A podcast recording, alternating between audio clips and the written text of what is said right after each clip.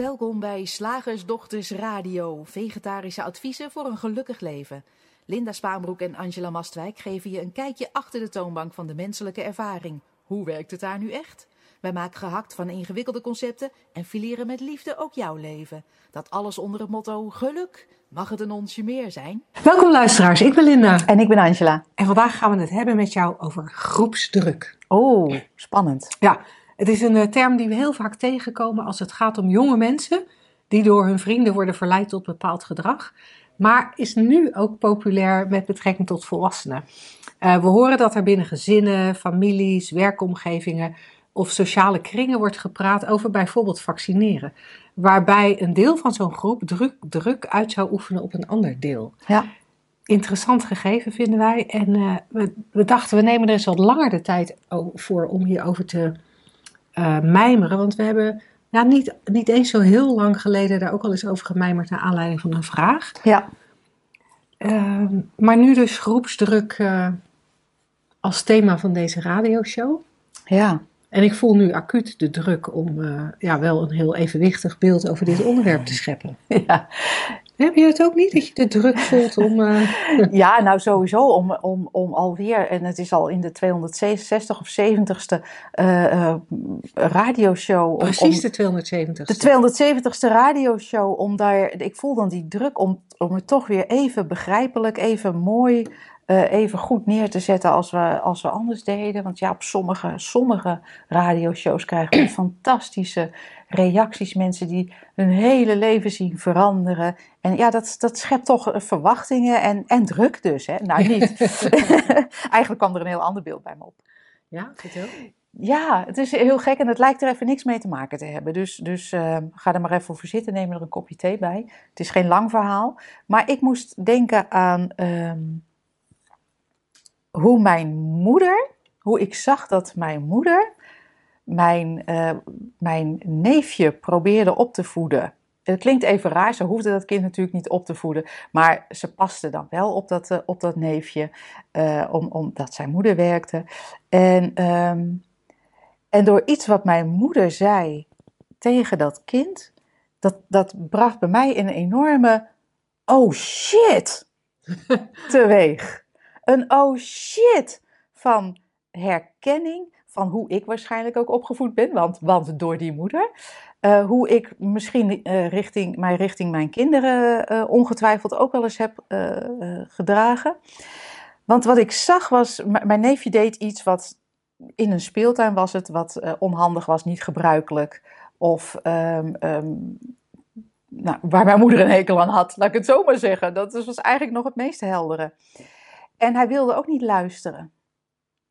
Um, en wat mijn moeder zei was tegen mijn neefje: dat, maar, maar dat, dat mag niet hoor. Het was ook echt iets, iets geks, laat ik het zo maar even zeggen, iets onhandigs. Dat, dat mag niet hoor. En er, er liep toevallig een politieagent voorbij. Het mag ook niet van die politieagent. En bij mij bracht dat teweeg: wow, wow, zo, zo leggen wij kinderen dus, of althans mijn moeder, uh, uh, zo leggen wij kleine mensjes dingen op.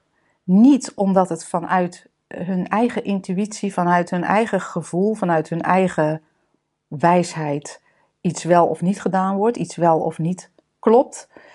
Maar door, door ze een imaginaire vijand voor te houden. En dan nog niet eens jij, jijzelf, dat vond, ik vond het ook laf, sorry, ik ben even heel oordelend richting mijn moeder, merk ik. Maar goed, kan mij het schelen, ik gooi het er gewoon uit.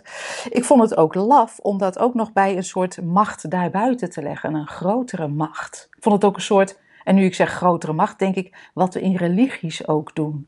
Weet je, een soort, uh, daar kan ook een soort groepsdruk ontstaan, maar dan gebaseerd op religieuze regels en rituelen.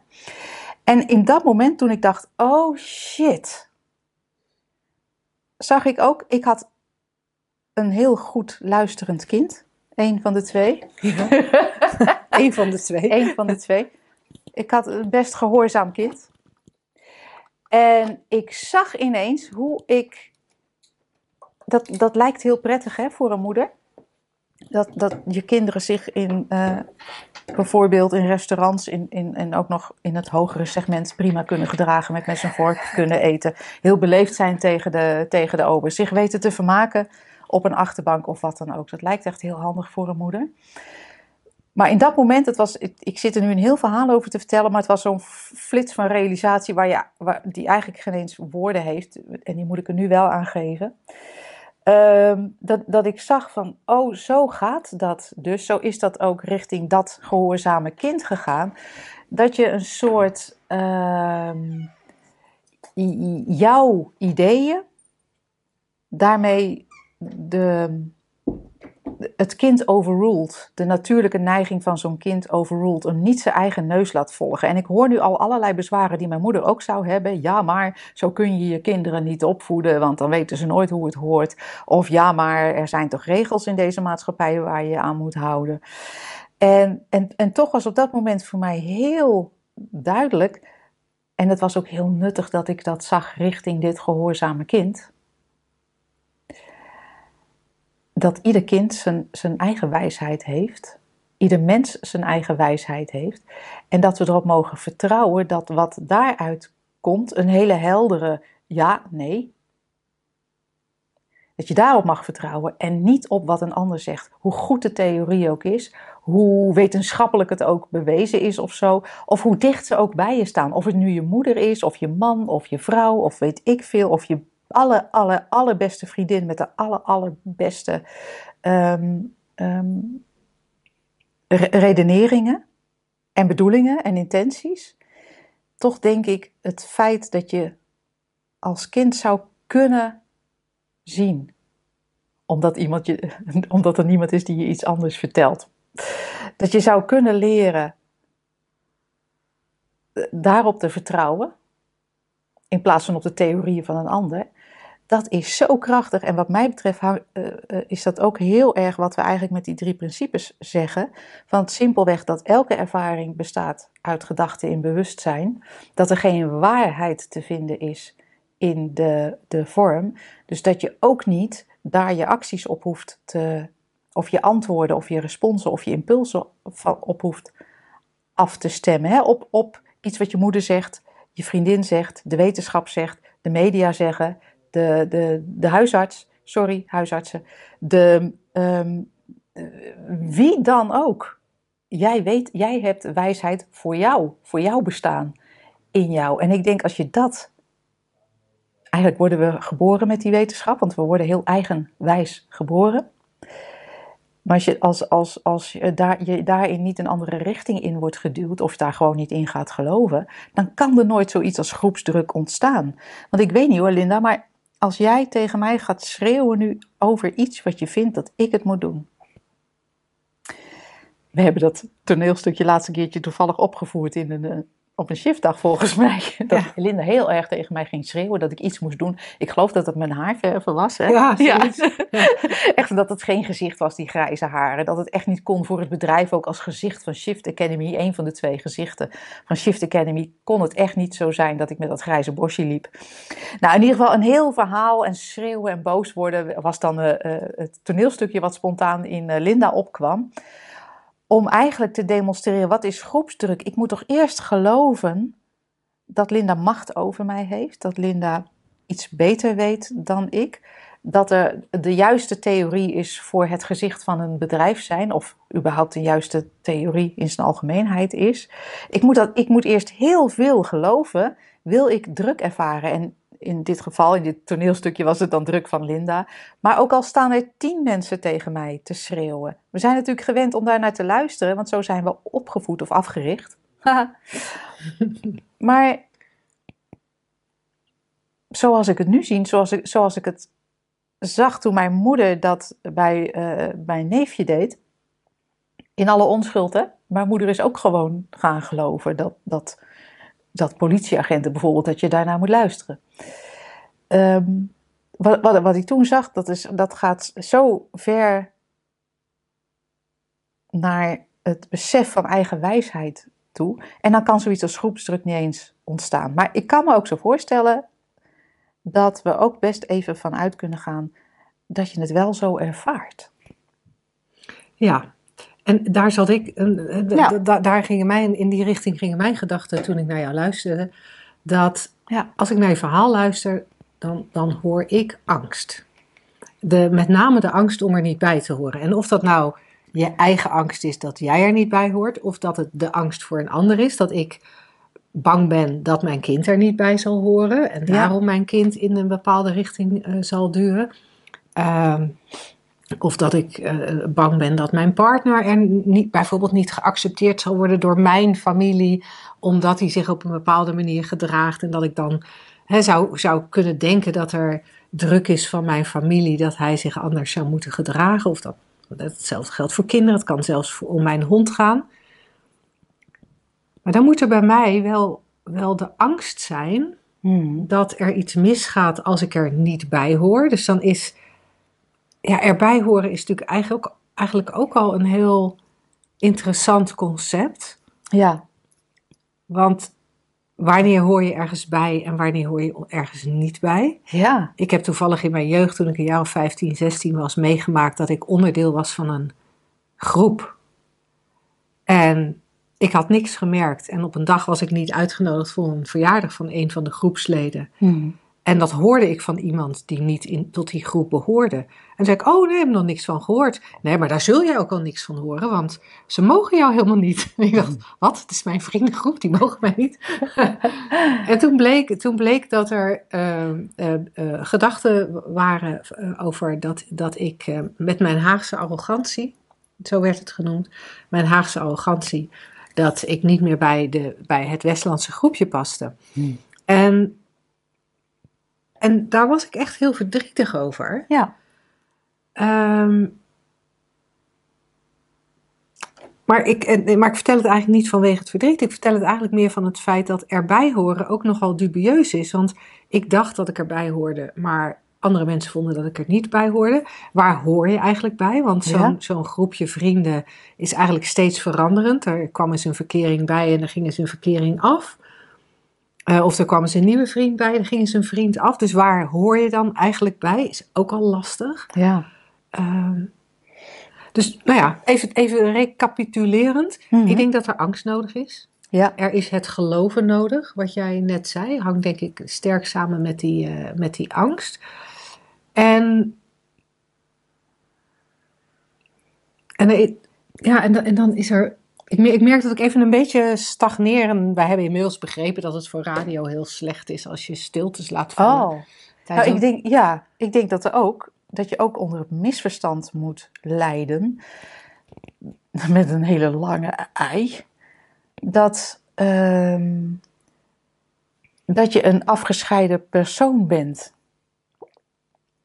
Ja, Dat gaat heel ver voor deze radioshow Ja. om, daar, om dat in twijfel te trekken. Maar, en dus ik ga daar ook niet te ver of te diep op in. Maar je moet wel jezelf zien als afgescheiden individu. Wil je überhaupt het idee krijgen dat dit afgescheiden individu bij andere afgescheiden individuutjes moet horen met bepaalde kenmerken? Ja. ja, en dat is een hele coole richting om in te kijken. Wij merken zelf wel dat dat ja, makkelijker ter sprake komt tijdens shiftdagen. Eigenlijk nog makkelijker tijdens drie dagen. Want zelfs een shiftdag is vrij, eh, kan vrij kort zijn eh, om, om hier echt eh, de Ja. diepte voor in te gaan. Tijdens de driedaagse of bijvoorbeeld de opleiding die in september weer start, is daar natuurlijk wel weer veel meer, op, veel meer ruimte voor. Maar zelfs als we, het, als we het meer op het psychologische vlak houden, Ja, ja, ja, dan nog kan je, kan je zien dat, dat, je, dat je wel ook moet geloven in dingen als een groep. ja, Eh, en dat je ook wel moet geloven dat het in een groep beter is dan buiten een groep. Mhm. Eh, en je zult, en, en wat ik ook interessant vind om naar te kijken, is dat je vaak als je, als je naar een groep kijkt, of als je zegt ik ervaar groepsdruk, dat, dat we vaak ook wel bepaalde informatie filteren die, die niet, waarvan ik dan betwijfel of dat de juiste manier van filteren is. Hè. We, we herkennen vaak patronen waar ze helemaal niet zijn. En ik heb ook wel eh, vaak het idee dat we een focus hebben op bepaalde informatie die aansluit bij wat we zelf al denken. En als we zelf denken dat we eh, bij een groep moeten horen, maar makkelijk buiten de groep terecht kunnen komen en een angst daarvoor hebben, dan kan je zomaar allerlei informatie horen en waarnemen die erop duidt dat er mensen zijn om jou heen die vinden dat jij je niet goed gedraagt. En, maar, je zou, maar het kan net zo goed zijn dat er informatie gefilterd wordt, waardoor het lijkt alsof iedereen het een beetje met jou eens is en iedereen het oké vindt wat jij doet. Of dat, uh, uh, dat er wel een groep is die A doet, maar die jou bewondert omdat jij B doet. Kan ook nog. En, en waar, wat voor mij dan heel interessant is, dat als ik dat waarneem, ja.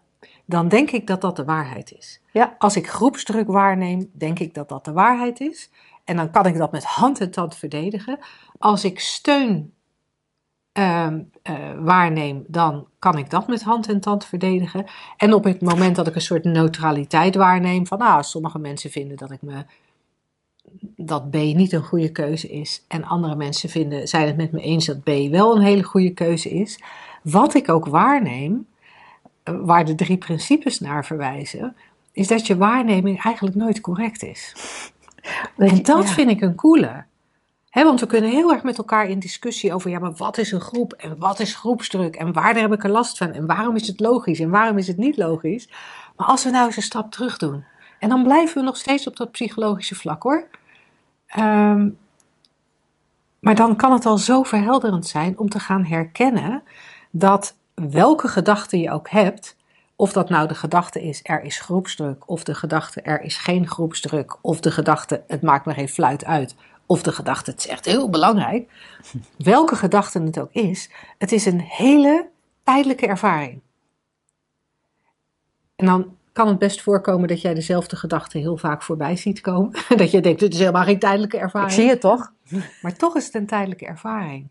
En, en wat wij waarnemen, wat ik waarneem, wat Angela waarneemt, hè, als, als, in de vorm als twee individuele personen, universeel gezien een eenheid, maar in de vorm twee individuele personen. Wat Angela waarneemt en wat ik waarneem, wij kunnen naar, we zitten nu naar dezelfde camera te kijken, wij kunnen naar dezelfde persoon kijken, we kunnen naar dezelfde groepsdruk tussen aanhalingstekens kijken. En toch kijkt zij door haar bril en kijk ik door mijn bril. Worden haar gedachten en waarnemingen, waarnemingen zijn wat mij betreft ook alleen maar gedachten, haar gedachten en waarnemingen worden door het bewustzijn geanimeerd tot een bepaald gevoel of een bepaalde ervaring. En aan mijn kant gebeurt dat ook. En die ervaringen die kunnen, kunnen allebei anders zijn. En daar zit een aanwijzing in. Daar zit een aanwijzing in dat dat wat je denkt, dat wat je waarneemt. Ah, het is echt superleuk om, te, om over te kletsen. Ja. Maar totaal niet waar. Totaal Grappig, hè? Grappig, hè? Want het is zo leuk dat, dat we op enig moment ervaren wij iets en dan noemen we dat groepsdruk. En dat beschrijven we in de psychologie en in weet ik veel. In, uh, in de ouders van nu en in de, in, in, in, in de happiness, weet ik veel. En dan gaan we het met z'n allen hebben over groepsdruk, zoals wij dus nu, nu dus ook. Maar we weten helemaal niet wat het is. Het is simpelweg iets wat een interpretatie is, zoals Linda dus net uitlegt, van een, ja, een gegeven situatie schijnbaar mensen die andere meningen hebben en die blijkbaar willen dat jij anders gaat denken of zo. En we kunnen vervolgens al over groepsdruk praten, maar dan missen we het punt. zo geinig, Ja, want de, groep, de groepsdruk is er ook, die, die kan pas geconstateerd worden nadat aan jouw kant of aan mijn kant er een gedachte op is gekomen over dat wat is waargenomen. Er wordt iets waargenomen, dat wordt geïnterpreteerd, daar komen gedachten over, of het interpreteren zijn al de gedachten. Die gedachten worden geanimeerd door het bewustzijn, dus er komt een gevoel bij. En eigenlijk, eigenlijk is dat hele procesje nogal willekeurig. Wij nemen het heel serieus. We hebben ook ergens in onze jeugd aangeleerd om dat heel serieus te nemen. Maar het is vrij willekeurig. En dat, zou, dat is wat mij betreft heel cool om eens naar te kijken. Of je iets kan herkennen van die willekeur. Want het is heel makkelijk om te zeggen: nee, nee, nee, het is niet willekeurig, het is toch zo, ik zie het toch. En uiteindelijk wordt daar het leven niet makkelijker van. En waar wij naar verwijzen, middels die drie principes, heeft wel de potentie om het leven makkelijker te maken. Betekent niet dat je onverschillig wordt. Zeker niet. In onze ervaring betekent het juist dat je liefdevoller wordt. Dat je veel meer gaat genieten van het leven. Uh, maar misschien wel omdat je wat je denkt en wat je meent waar te nemen niet meer zo serieus neemt.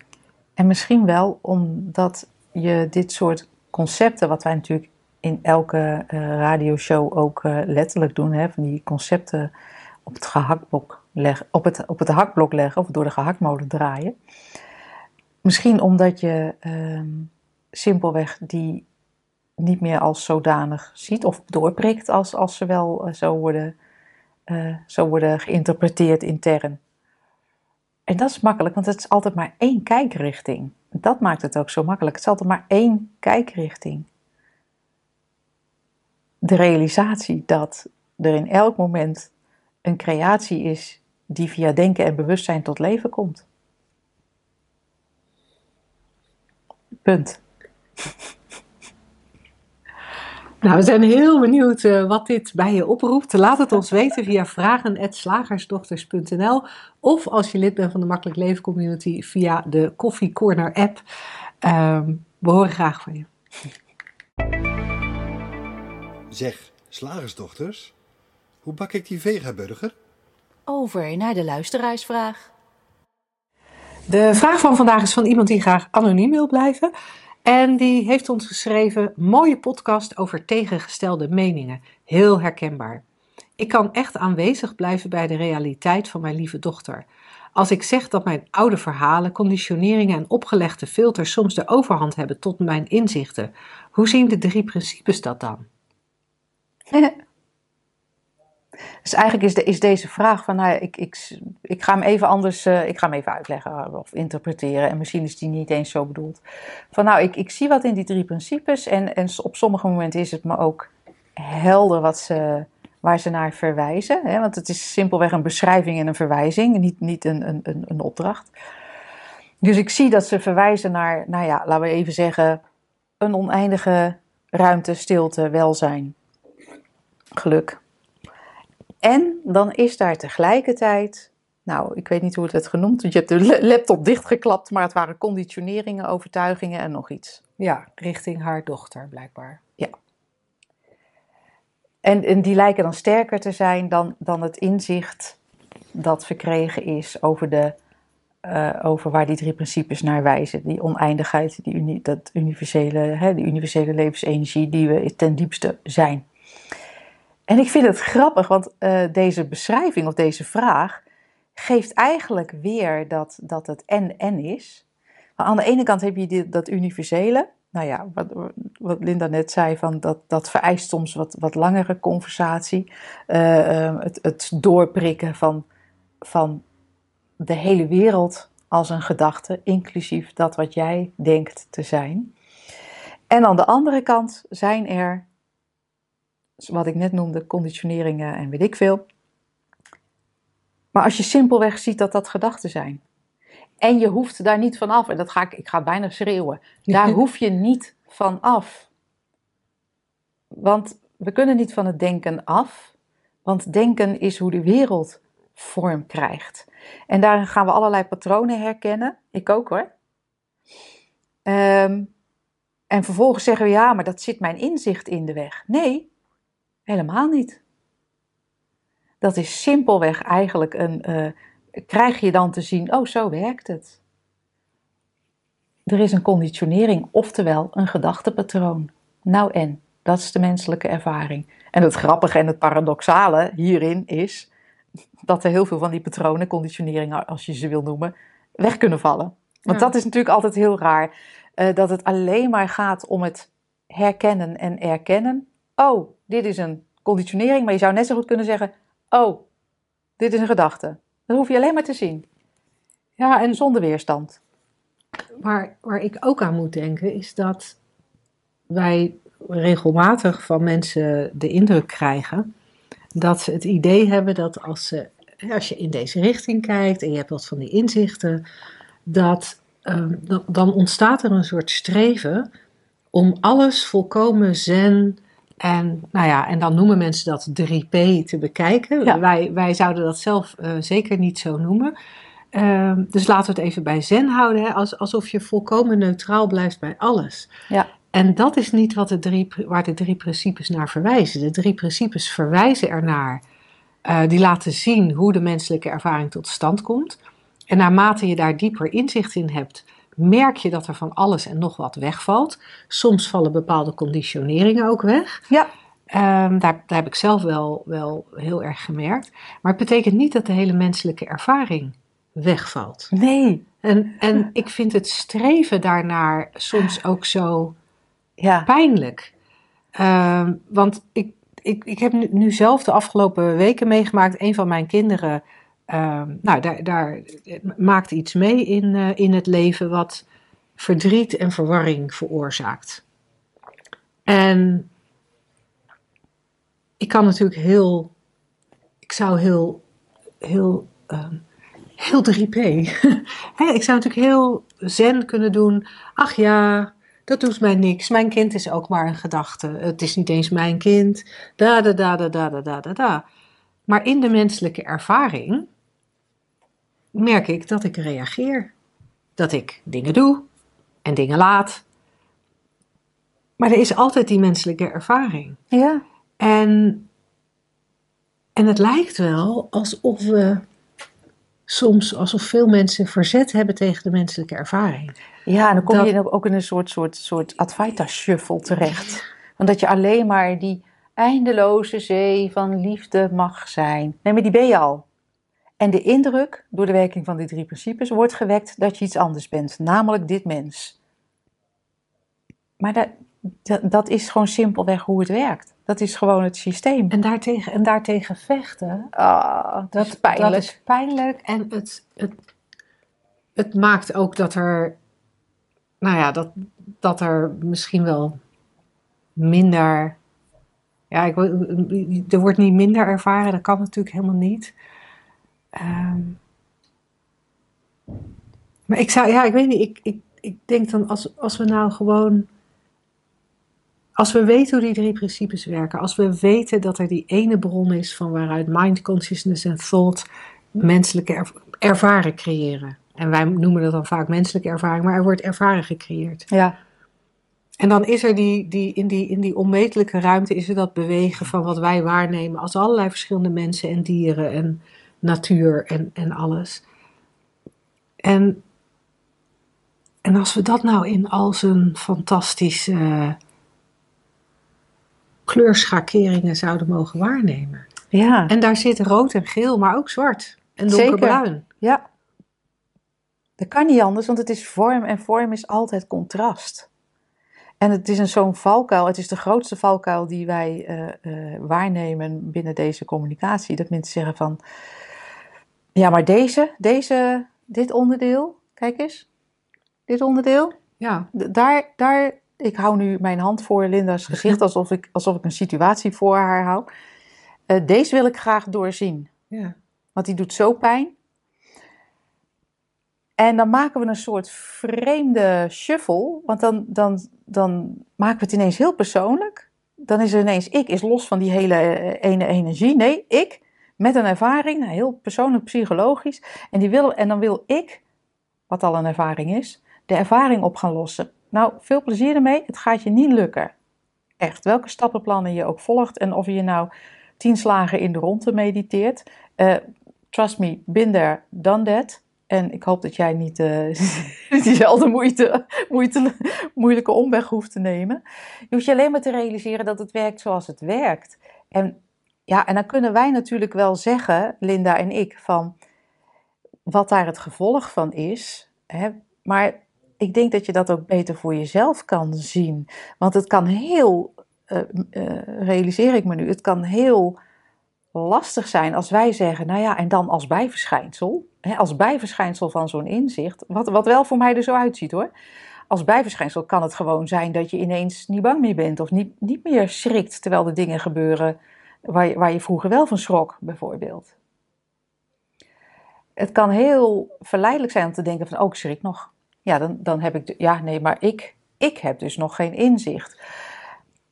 Maar dat is eenzelfde, ehm, dat is ook simpelweg wat er gebeurt. En als je dat ik ertussen gaat gooien als degene die verantwoordelijk is of schuldig is aan deze ervaring, ja, dan ga je een pad op van, uh, van zelfverwijt en van, van eindeloos streven naar meer inzicht.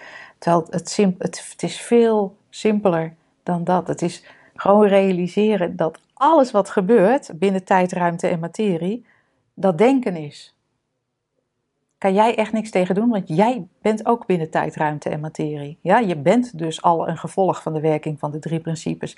Je bent die, ja, je bent die drie principes in uitvoering. te denken, je hebt geen conditioneringen, je bent een conditionering. Precies. ja, maar dat denk ik ook wel eens letterlijk.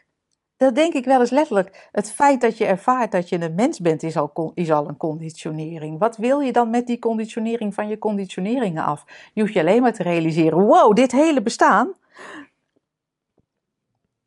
is een gedachte. What the fuck? Ja. En, het, en, en daaromheen, of daar, en daar niet los van, laat ik het zo even zeggen, de essentie daarvan, de, de ware natuur daarin, is volkomen, nou ja, noem het maar allemaal op. Stil, wijs, liefde. Ja. En, dus, en terwijl dat er altijd is, is er ook die ervaring waarin van alles gebeurt. Het, het fijne en het niet fijne. Ja. En, en wij weten natuurlijk ook, dat, die ervaring kennen wij ook, dat als je in het niet fijne zit en je bent even helemaal daardoor geabsorbeerd of gebiologeerd of verkrampt. Nou ja, verkrampt, maakt niet uit dan voelt het zwaar, zwaar, zwaar waardeloos. En echt. En echt. En dan kan je echt denken, dit leven heeft geen zin meer. Ja. Of ik doe alles fout. Dat snappen we echt. En, en toch vragen we je, kan je, ga je nou zitten lachen? Ja, nee, sorry. Ja, nee, maar ik, sorry. Ik had, een, ik had een beeld voor me van dat, dat ene dat dat speelt. Ja, wat een goede acteur dat is. Ja. Maar goed, als, als onze luisteraar of die momenten waarop een van ons daar zelf in zit, ja. dan, dan kan je niet anders dan geloven dat waar je tegenaan kijkt waar is. Wat het ook is. Maar als er ergens in je achterhoofd toch nog ergens een stemmetje is dat, dat ergens in een van die radioshows shows heeft gehoord, het is nooit blijvend. Als, als dat het enige is wat je oppikt, dat, dat, dat die creatie dat die drie principes steeds, steeds, steeds, steeds in elk moment een nieuwe, iets nieuws creëren, dan weet je dat je alleen maar hoeft te wachten. Ja. En dat wachten hoeft er niet uit te zitten als op een stoel gaan zitten en niks meer doen. Nee joh. Maar dan, dan kan je gewoon doorgaan met bewegen. Dan jankend kan je en wel voor mijn part. Doen wat er in je opkomt. En dan op een dag constateer je dat dat waar je zo door gebiologeerd was, of wat zo erg leek, dat het losser is geworden. Ja. Terwijl jij aan het praten was, dacht ik het is wel echt, maar niet waar. Hmm. Dat kwam er in mij op. Het is, het is echt, echt, echt. En het is niet waar. Ergens. wow. Driedaagse materiaal, hoor.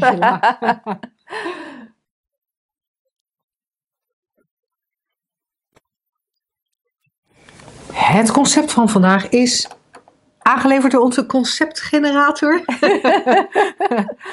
uh, Rob heeft een hele goede neus voor concepten. Uh, dus ook deze is weer uh, van Rob. hij, had hem, hij hoort hem regelmatig, vertelde hij. je moet wel de juiste beslissing nemen. Ja, daar ben ik het helemaal mee eens. Je moet natuurlijk wel de juiste beslissing nemen. Want jij, jij, Linda, Angela, jij kan gewoon alle consequenties overzien van A of B.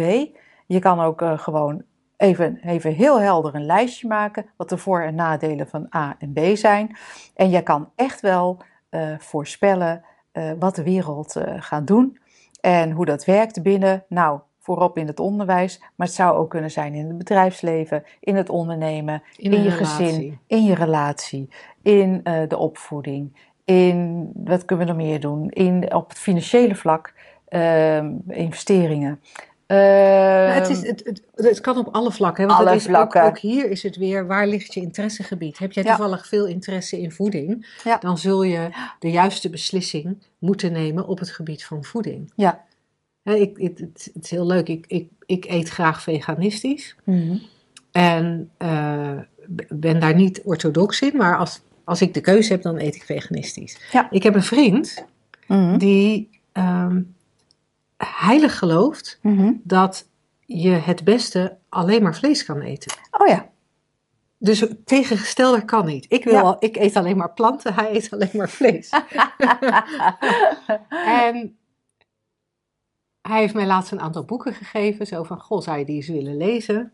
Nou, ik vind dat wel interessant. Ook omdat ik denk, als je kijkt naar veganisme, daar zijn allerlei, allerlei eh, onderzoeken die aantonen waarom veganistisch eten beter is voor de gezondheid en voor het milieu. En Ja. hij heeft een stapeltje boeken aan mij meegegeven over vlees eten. Waar op precies dezelfde manier wordt aangetoond dat het echt beter is voor je gezondheid. En of het ook beter is voor het milieu, dat heb ik nog niet gelezen. Maar het is in ieder geval echt beter voor je gezondheid. En zeker niet slecht voor het milieu om alleen maar vlees te eten. En dan, denk, en dan, vind, dat vind ik dan zo grappig, omdat voor mij toont het al aan van er is helemaal geen eenduidige juiste beslissing.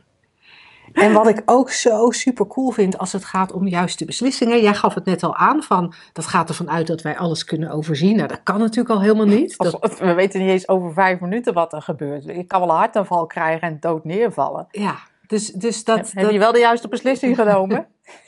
Dus dat is, dat, weet je, daar kun je al aan zien dat zoiets als de juiste beslissing nemen eh, eh, echt een volkomen onzin is.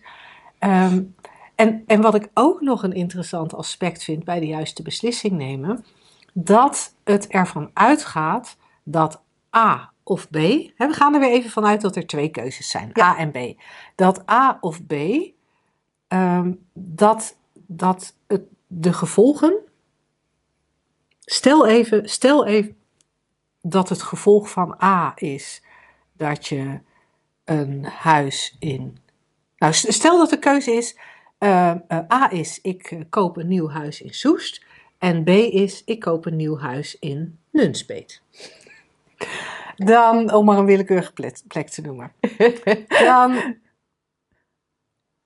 als we daar een ding van gaan maken, als we vinden dat daar een juiste beslissing gemaakt moet worden, dan dat kan alleen maar als we ervan uitgaan dat we in Soest, dat er een kans bestaat dat we in Soest gelukkiger worden dan dat we in Nunspeet kunnen worden.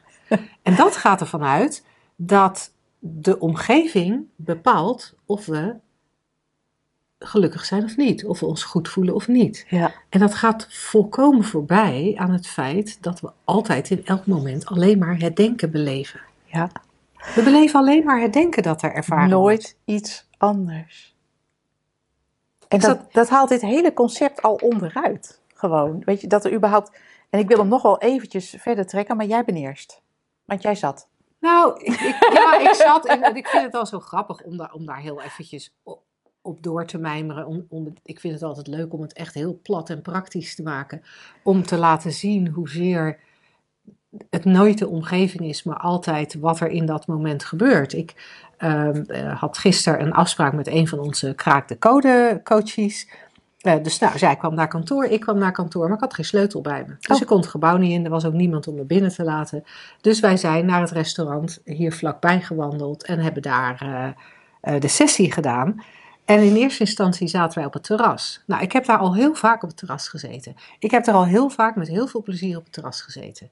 Maar ik zat daar gisteren en zoveel verkeer, zoveel geluid van dat verkeer nam ik waar, hè, ervaarde ik. Die weg was echt niet drukker of Nee. minder druk dan anders. Nee. Ik ervaarde heel veel geluid. En toen ging er ook nog iemand met een maaimachine aan de hand. En ik had echt zoiets van, nou dat kan gewoon niet. Dus wij zijn naar binnen gegaan. En het heeft niet zoveel met beslissingen te maken. Maar ik vind het zo grappig om te merken dat in het ene moment zo'n terras een heerlijke plek is om te zitten. En op een ander moment is zo'n terras echt veel te, echt De veel te, hel. echt veel te De rumoerig. hel. Nou, dat was het dan weer niet, maar echt veel te rumoerig.